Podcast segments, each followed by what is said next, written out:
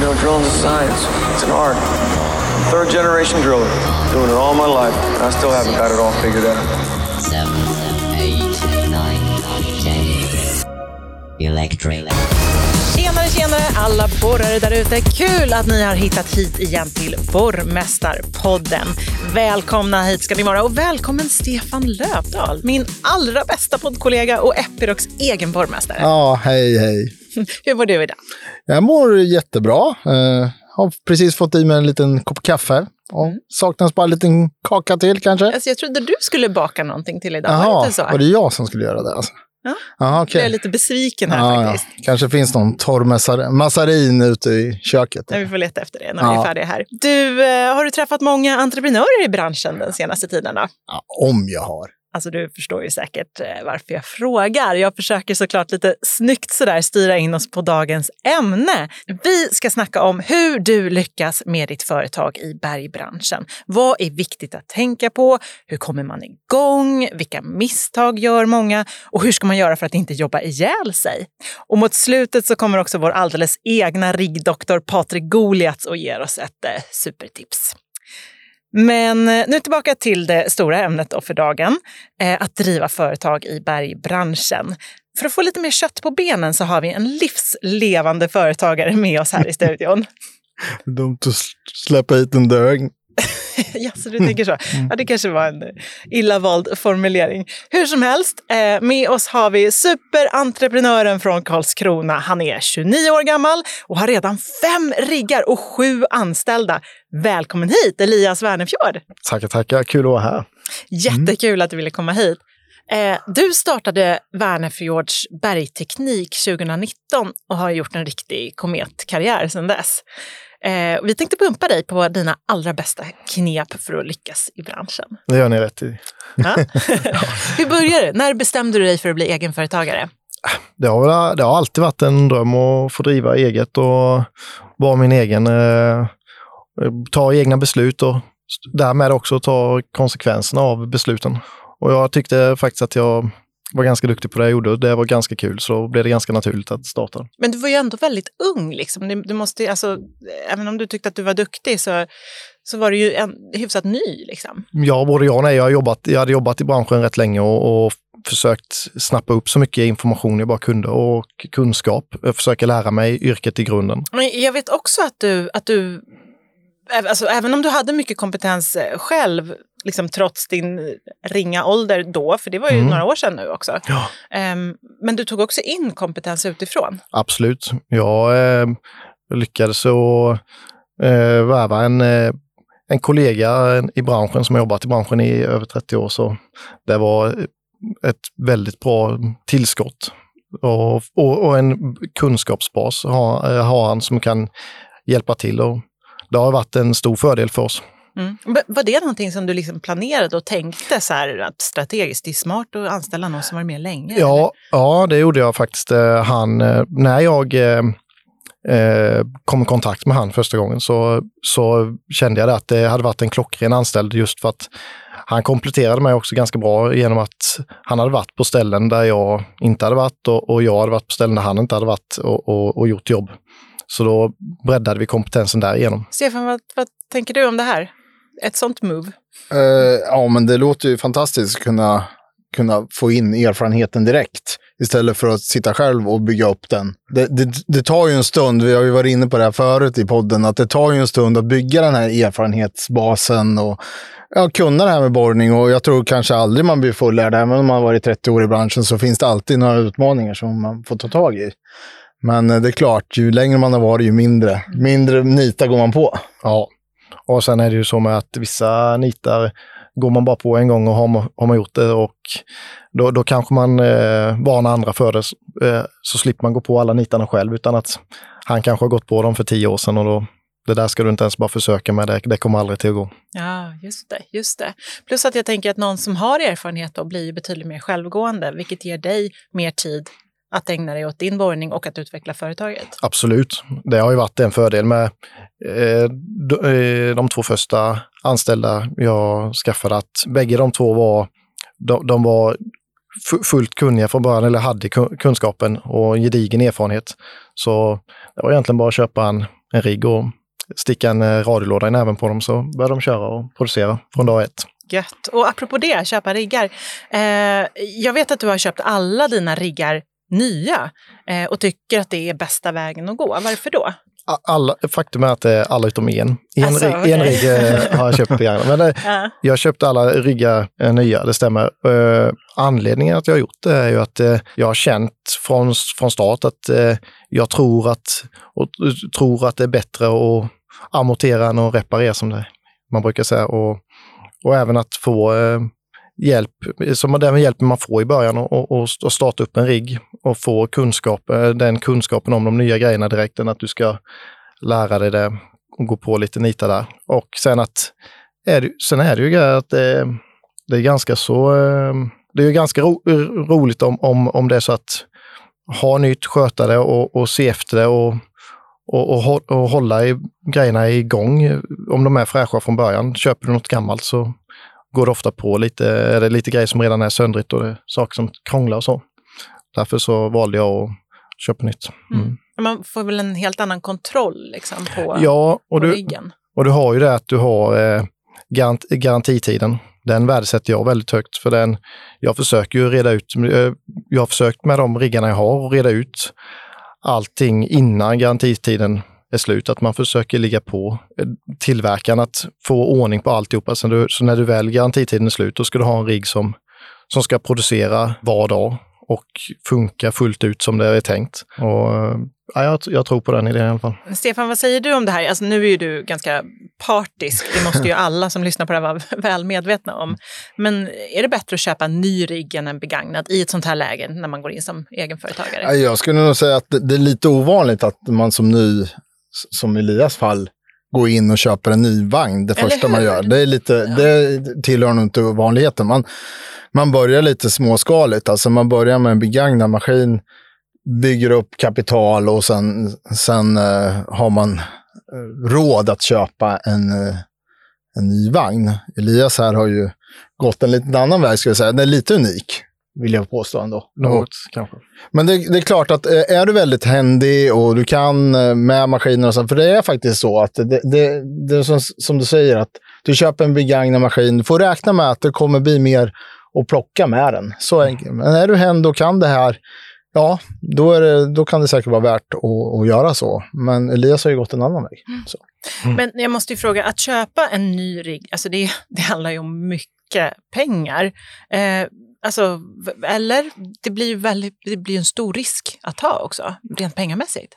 Ja, absolut. Så det, det var ju det som var de, en av de stora grejerna i början, och, och få ihop det kapitalet. Jag eh, sparade i flera år. Jag, jag bestämde mig som sagt tidigt för att starta eget. Så när jag kände att, att nu börjar jag kunna detta mer och mer och jag kände mig be, eh, bekväm med att göra nästa, eh, de typerna av jobb som, vi, som jag hade för avsikt att göra när- som egen.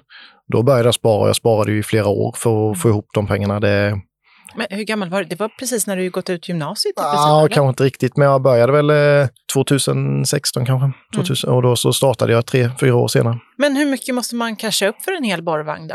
Eh, alltså, man måste väl gå till banken i alla fall. Det är svårt att spara ihop alla miljoner. Ja, det, ja, det gjorde jag absolut inte jag, utan du får vara glad om du lyckas få ihop 10 procent och, och lite pengar till att köpa de mest nödvändiga grejerna för att kunna producera. Det, jag, eh, jag, eh, som sagt, la in 10 procent på min rigg och det var ändå ganska svårt att, att få lånen som man, eh, som man behövde.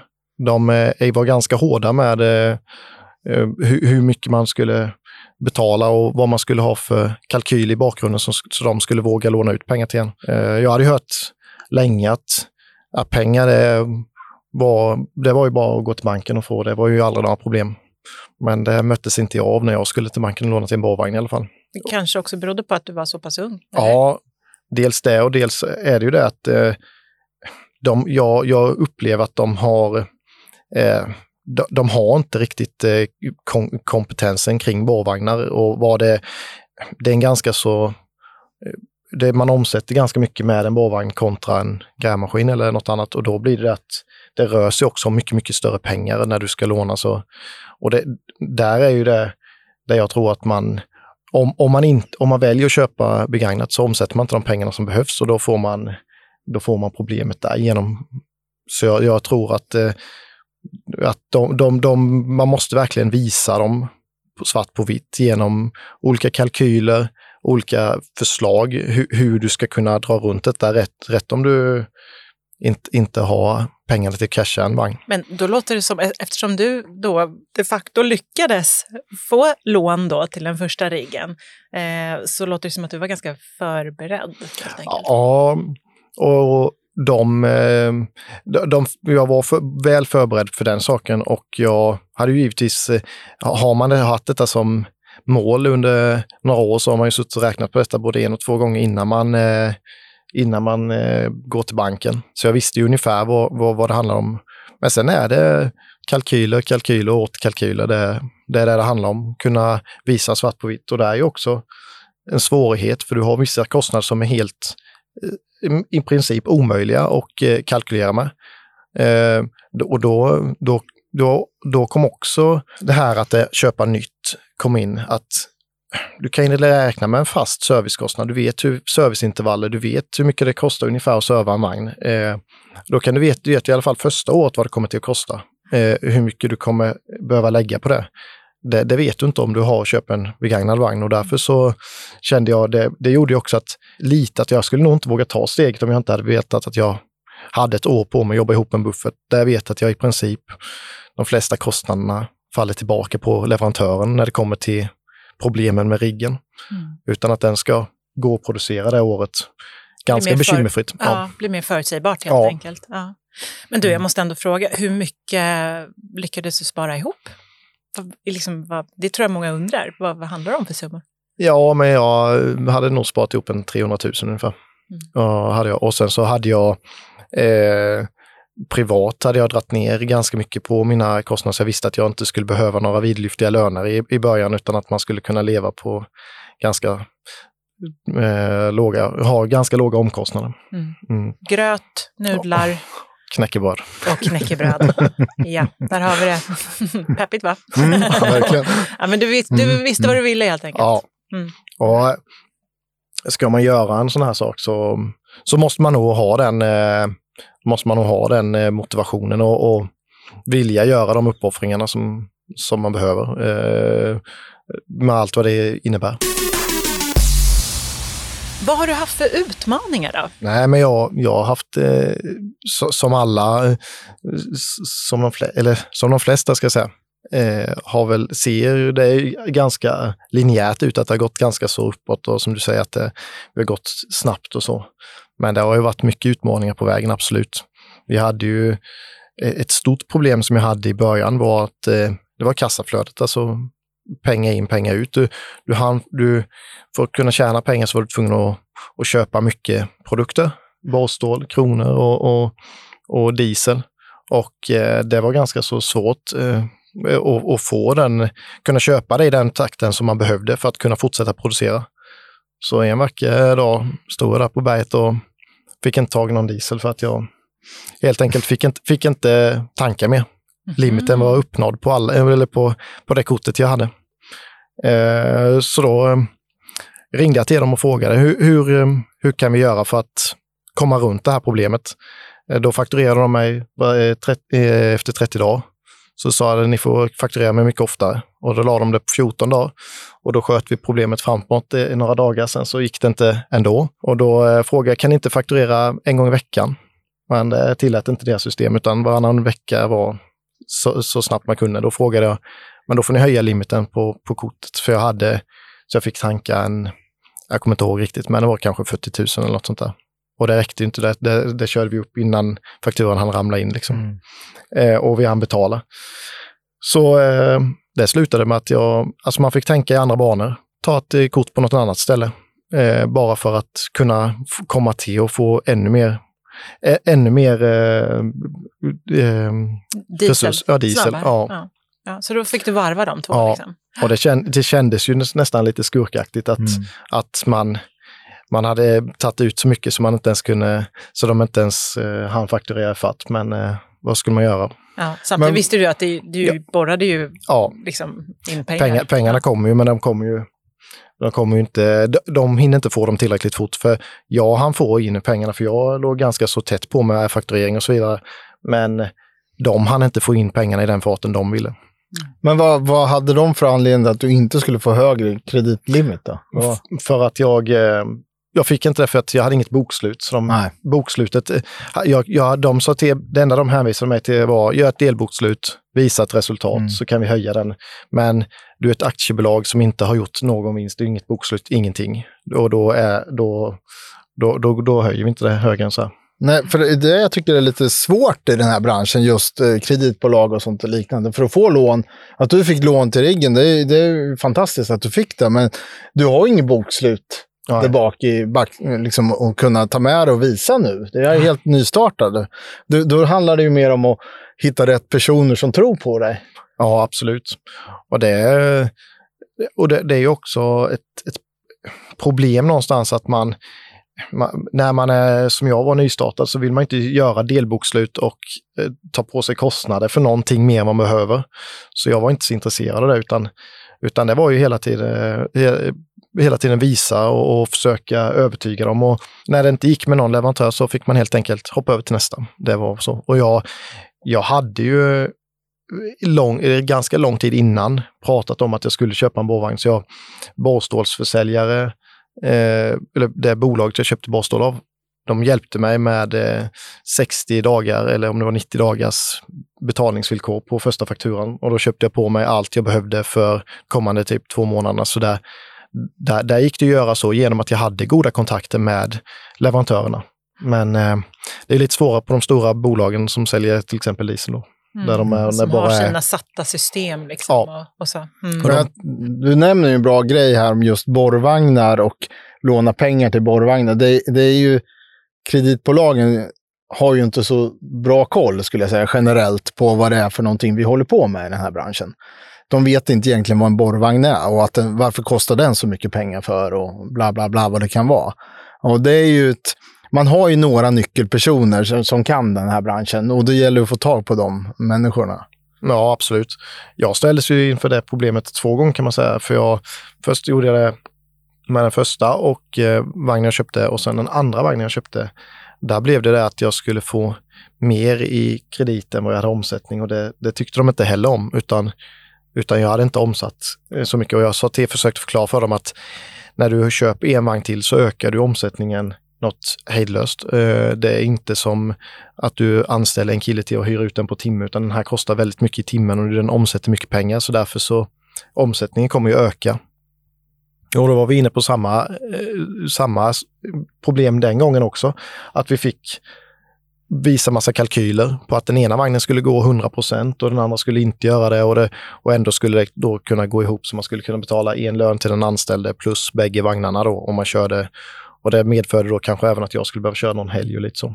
Och det, ja, det, är- det, det är tufft, alltså man, man tror inte att det är så farligt, men det är, det är ganska svårt att över, övertyga dem. Sen samtidigt förstår man dem med, att de, de vill inte sätta några pengar på någon lycksökare som tror att han ska... Trixigt alltså. Men det handlar ju om någon, någon typ av business case i alla fall. Att det här har jag, det här kommer jag, det här kan jag visa, det här är mina jobb. Men, men innan du har grejerna så är det svårt också att visa det. Och, Absolut. Och Och det, det är leveranstider och det är allting att tänka på. och det, det är ju, egentligen så är det ju bara löften om att det ska gå bra. Man, man vet ju inte, eller du kanske vet, men det har man ju rätt många bolag i, genom tiderna som har trott på en idé och det har bara ramlat ihop sen som ett korthus. Så jag menar, man, man, man tror på det man gör och, och, och det gör ju att du själv är villig att riska pengar då. Mm. Jag tror det handlar mycket om det. Man tror, man är passionerad, man, man ja.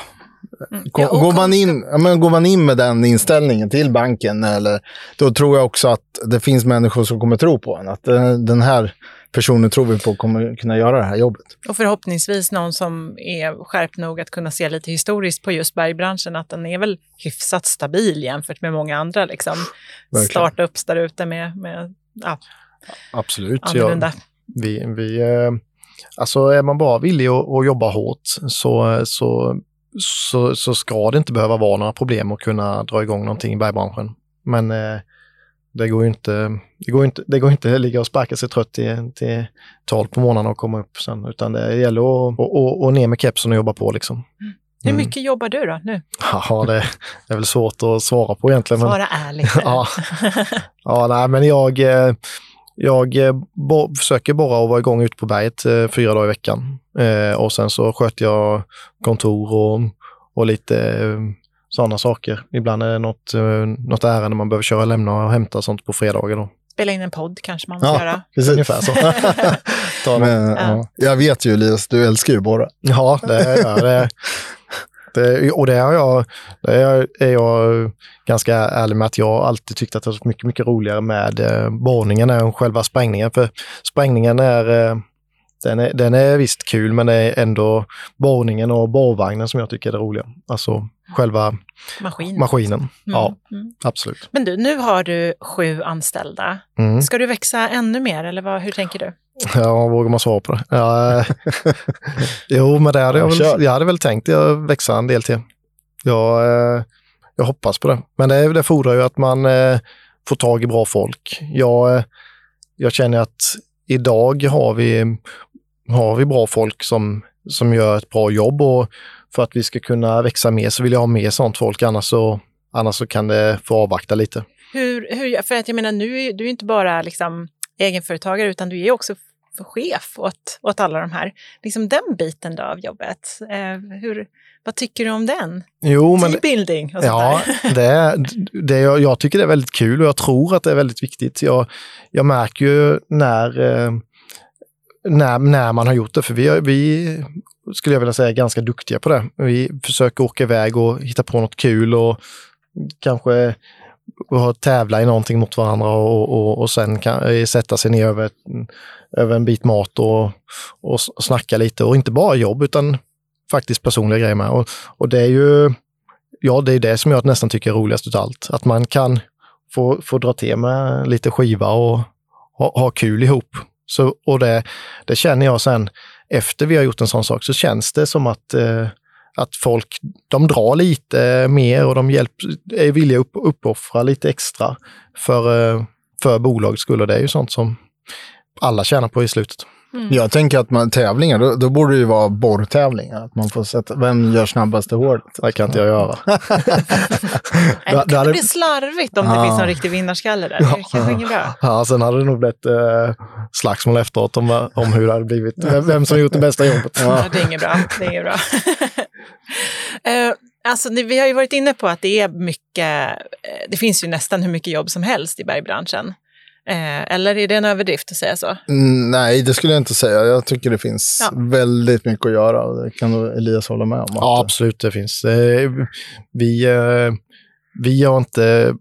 Om vårvagnarna någon gång har stått still så är det för att vi har velat stå still eller för att några gubbarna har behövt vara hemma. Jag brukar säga det till dem att ska vi vara... Bår, bårvagnen ska, ska gå 40 timmar i veckan och, eller, och när vi inte gör det, då ska man vara hemma och, och, och göra det, prioritera det man tycker är riktigt kul istället. Och, och då, så har vi kunnat göra. De har varit igång i princip alltid. Jag kan inte erinra mig om att vi har varit hemma någon dag egentligen. De är aldrig hemma och prioriterar Nej. något riktigt kul. Eller? Exakt. Nej, de tycker att det är riktigt kul att vara ute och borra. Det är så Nej. Nej, men, men, men att vagnar står still och sånt, det har jag inte varit med om något vidare. Utan snarare tvärtom. Vi hyr in väldigt mycket för att hinna med. Vi pratade lite om det här med nytt folk i branschen och komma in nya människor här. Och vi ju tidigare varit inne på i den här podden. Och du har ju själv en filosofi lite så att eh, få in nytt folk. Hur, hur brukar du jobba? Vi eh, försöker jobba med att man, först, först och främst att man eh, försöker man ju hitta de, de egen, att personen har de egenskaperna som jag tror behövs för att borra.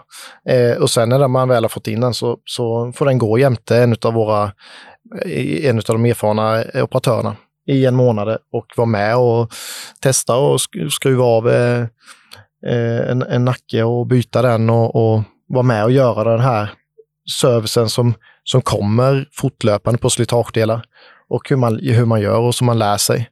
Och så man får vara med en, en som, som verkligen kan jobbet i grunden och sen så får man eh, lära sig lite sakta men säkert och, och sen så börjar man mer och mer ta, flytta ifrån personerna så att de får, får testa lite själva och stå själva och, och, och gå på vissa problem själva och laga och, och, och, och så efter, efter läge. Att man försöker ta vissa problem som kommer på studs då. Men det här med att ha eget företag och det finns hur mycket jobb som helst och du dessutom är chef över ett gäng anställda nu. Hur gör du för att hitta balansen i livet då? Har du fått, känner du att du har kläm på det? Ja, jag, jag tror jag har det. Det vet man väl först efteråt, tror jag, tänker.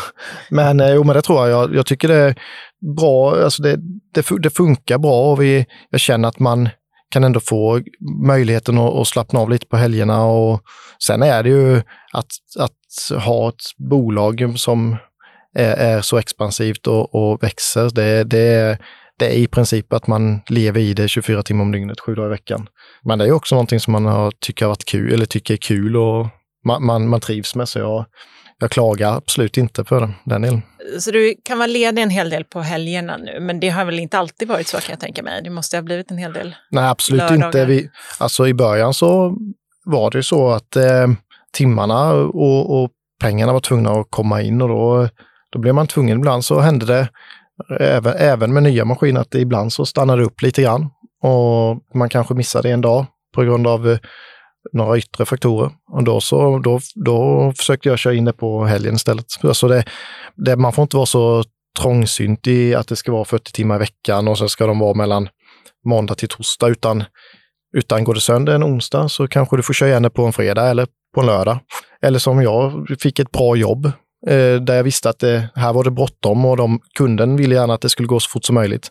Och det var fria tider att jobba så då, då tog jag och eh, jobbade ett par, tre veckor i, i sträck och sen så körde hem och vilade upp med några dagar och sen Mm. fortsatte. För att få, få, in lite, få in lite buffert kapital och kunna stå stilla om det blir lite sämre tider lite längre fram. Nu har det inte blivit det, eh, tack och lov, men, eh, men eh, så har jag jobbat rätt mycket. Att man försöker, när det går, finns möjlighet att köra på så kör man på och sen så skulle det stanna upp så har man lite mer, man sover lite tryggare om nätterna över att man att man faktiskt kan eh, vara hemma en dag eller två för att man har, vet med sig att man förra månaden så jobbade jag över för 30-40 timmar kanske. Då vet Men man det, att, det är väl få, få egenföretagare eller nystartade bolag som har 40 timmars veckor, tänker jag. nej, det är nog inte så många. Nej, jag. jag, alltså, då tror jag kanske det är svårt att lyckas. Ja, Men jag tänker också att det är väldigt lätt att liksom bara köra på då också. Om man är hemma så ska man egentligen, ja men nu ska jag ta igen mig lite. Men så kommer det in ett annat jobb som känns att det är lätt att bara tuta på. Ja, och till slut har man tutat på lite väl mycket kanske. ja, och jag, jag, kan inte, jag kan inte säga att jag känner, har känt av det, att jag har kört på för hårt. Men, eh, men visst, alltså det, det, är ju, det är ju väldigt många timmar man lägger ner och, och mycket oavlönad tid som man måste lägga ner. Och det kan ju vara ganska så tufft. Men det är som Stefan säger, att man ska man, ska man ha, för, vill man ha 40 timmar i veckan och, och, och förutsägbart vilka dagar man ska jobba och vilka tider och sånt, då, då, då är nog anställd ett bättre alternativ, det tror jag. Eh, om man däremot inte är sugen på det, då, då ska man absolut skaffa en målvagn. För det, Ja. den, ibland kan det medföra rätt många övertidstimmar. Elias, jag tänkte att vi ska börja runda av lite grann. Kan inte du summera lite? Vad är det viktigaste att tänka på när man ska starta företag i bergbranschen? Ja, mina absolut bästa eh, tips det är ju att eh, skapa bra relationer med leverantörer. Var säker på att du, du, du, du inte stannar upp av den anledningen. Eh, gör, kalk, gör kalkylen alltså, och räkna på det. Vet, så du, kan, du vet med dig att du att, eh, för ibland upplevs det som att man, det känns som att det inte går så jättebra och sen så när man summerar så har det gått bra ändå. Gör kalkylen så du vet hur det går, hur det, hur det funkar. Sen är det ju att eh, försök ha eh, nya fräscha grejer, se över grejerna och, och gör, var förberedd, planera stopp istället för att bli utsatt för dem. Och, och det tycker jag, eller jag, min, min, min väg dit har varit genom att köpa nytt faktiskt. Det, då vet man att grejerna funkar. Leta efter bra garantier också. Aha. Vad säger du, Stefan? Är det här en bra bransch för egenföretagare? Eh, absolut, skulle jag säga. Eh, visst, det är mycket pengar att starta upp som Elias har gjort, helt klart. Eh, men eh, jag tycker att det är en rätt så förlåtande bransch vad gäller konjunkturen då. Alltså även om konjunkturer kanske eventuellt går lite ner så brukar den här branschen ändå hålla sig rätt så bra uppe på ytan och, och, och köra på ändå. Så att det, det jag, ja, satsa på. Eh, det tycker Gillar man jag. att borra, är man noggrann och duktig på att kalkylera och eh, jäkligt trevlig och bra att göra. Passion, passion tror jag är jätteviktigt. Ja. Att man visar Ja, att det här vill jag. Det här är, det här är något jag vill. Och då är det inte, eh, då är inte 40 timmars veckor. Och då, då märker du inte att du jobbar 60 timmar eller 70 Nej, men- eller 80. eh, Du kör ju vidare. Absolut, så det, är, det är ju det jag menar med att man, jag har aldrig fått illa av det utan eh, snarare tvärtom. Jag, jag tycker jag mår ganska väl av det. När jag får göra det jag tycker är kul. Ja, men det, och det märks ju på dig också Mm. att du, du brinner ju för det här. Du brinner för hela det här där du håller på med och bygger upp. Absolut. Och det känns som att du är lite i din linda ändå. Alltså, att det, finns, det finns ju mer där. Ja, det hoppas jag. Mm, Ja, en det sista fråga. Elias. Var är du om tio år? Ja, det, den, den skulle jag gärna vilja kunna svara på, men jag, jag hoppas att vi har eh, fyra, fem borrvagnar, fyra borrvagnar till kanske, fem. Så kan vi nå, nå tio stycken skulle jag vilja göra. Mm. Eh, Bra. Jämn, jämn och bra siffra. Ja, Spännande. exakt. Nu du Stefan, nu tror jag att du anar vad vi kommer fram till för punkt. Kan det vara verktygslådan? Jajamän, Goliats verktygslåda med vår alldeles egna riggdoktor Patrik Goliats. Goliats verktygslåda. Tips för er med hjulburna riggar. Ha alltid med ett punkalagningskit för lastbilar. Den modellen som ser ut som en mask du trycker igenom däcket. Eh, Man är ofta inne på arbetsplatser där det finns spik och annat smått och gott som kan göra punkteringar. Om du bara har dåligt tryck eller behöver fylla på luft så finns ju alltid en kompressor på riggen att använda. Ja, vad tycker ni om det där tipset då? Suveränt. Mycket bra tips. Ja. Har du med dig eh, punkalagningskit, Elias, jämt? Vi på stålarver vi, så vi behöver inte det. Jaså, okej. Ha, Jag hoppas att du som lyssnar och går i tankarna på att starta eget har fått med dig lite matnyttiga tips nu. Elias, vill du slänga med någon sista tanke innan vi avslutar här? Ja, det är en- sak som jag har tänkt på mycket. Det, det finns alltid olyckskorpar där ute som säger att ja, nu blir det sämre att göra och det här kommer inte gå och ska du låna så mycket pengar och så. Men eh, ja, till de, har, till, till de som hör på det, det är bara skit i det och kör på. Det är vad jag har gjort i alla fall. Tro på dig själv. Tro på dig själv. Omge dig med folk som, som tror på idén istället. Ja, Ja. absolut. Ja, men det låter som ett supertips. Tack för det och tack för att du kom hit idag Elias. Tack för att jag fick komma. Ja, tack Elias. Elias kan ni läsa mer om på bitsmagasin.se. Det är bara att söka på Elias Wernefjord så, så dyker det upp en artikel om honom. Och hörni, glöm inte att prenumerera på podden så att ni inte missar något spännande avsnitt. Hej då allihopa! Hej då! Ha det bra.